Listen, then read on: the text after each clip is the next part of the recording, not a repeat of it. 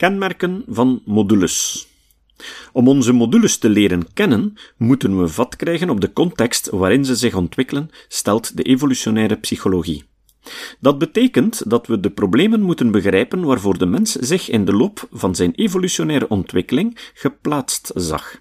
Sommige hominiden zullen beter in staat zijn geweest die op te lossen dan anderen, wat hen evolutionair voordeel in de vorm van betere overlevings- en voortplantingskansen opleverde. De lichamelijke en mentale eigenschappen die hen een grotere fitness bezorgden, werden doorgegeven aan de volgende generatie, om zich op lange termijn over de hele populatie en soort te verspreiden. Het grootste deel van onze evolutionaire geschiedenis speelde zich af op de Afrikaanse savanne. De problemen die zich toen stelden gaven vorm aan het menselijke brein. Met andere woorden, onze mentale modules zijn door natuurlijke en seksuele selectie ontworpen om adaptieve problemen op te lossen die veelvuldig voorkwamen in de prehistorie, maar niet noodzakelijk in de moderne tijd.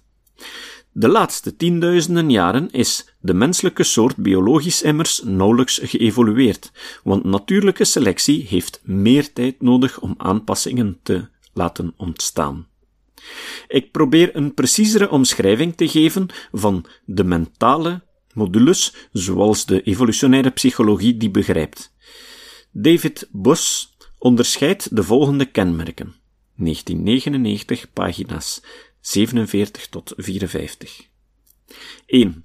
De vorm van een module is bepaald door het probleem dat door de module wordt opgelost, en dit herhaaldelijk in de loop van onze evolutionaire geschiedenis. 2. Elke module is ontworpen om uitsluitend die specifieke informatie te verwerken waarvoor haar structuur geschikt is. Het oog neemt bijvoorbeeld slechts een klein deel van het spectrum van elektromagnetische golven waar. Visuele perceptie toont overigens op overtuigende manier de modulaire structuur van ons brein aan. Wellicht zijn er meer dan twintig verschillende modules bij betrokken. Het bestaan van de modules treedt vooral op de voorgrond als ze niet goed werken. Zo zijn er aandoeningen waarbij de patiënten geen beweging meer zien, geen gezichten meer kunnen herkennen, het onderscheid tussen links en rechts niet meer kunnen maken, enzovoort. 3. De input die een module krijgt en verwerkt, levert het organisme informatie op over de specifieke adaptieve problemen waarmee het wordt geconfronteerd. Dit hoeft niet bewust te gebeuren. Een van de uitgangspunten van de evolutionaire psychologie luidt dat het bewustzijn, hier in de betekenis van cognitief beseffen, slechts het topje van de ijsberg van onze mentale en cognitieve activiteiten is. Een opvatting die sterk wordt ondersteund door de bevindingen van de cognitieve wetenschappen sinds de jaren 70.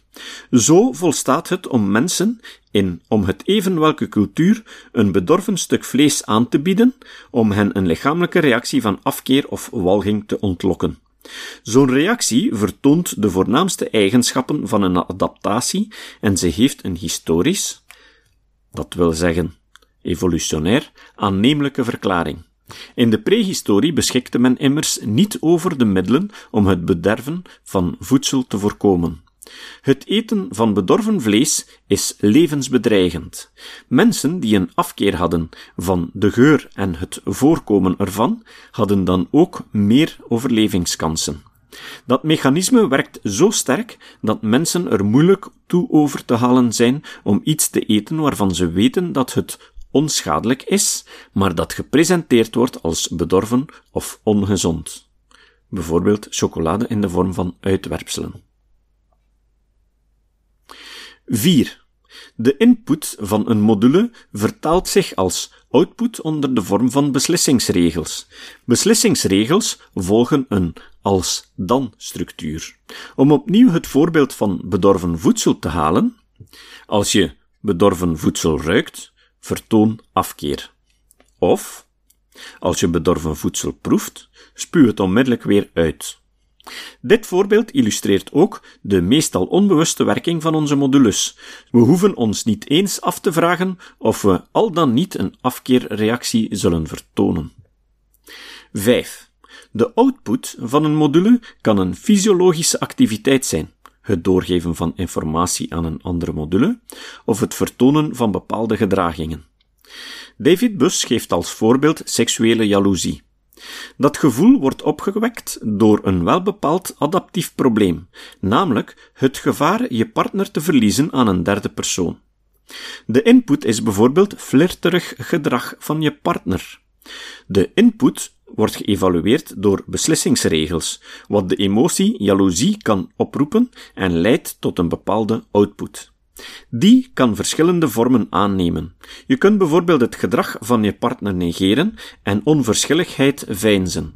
Je kunt de rivaal bedreigen, agressief worden tegenover je partner of de relatie opnieuw evalueren, enzovoort.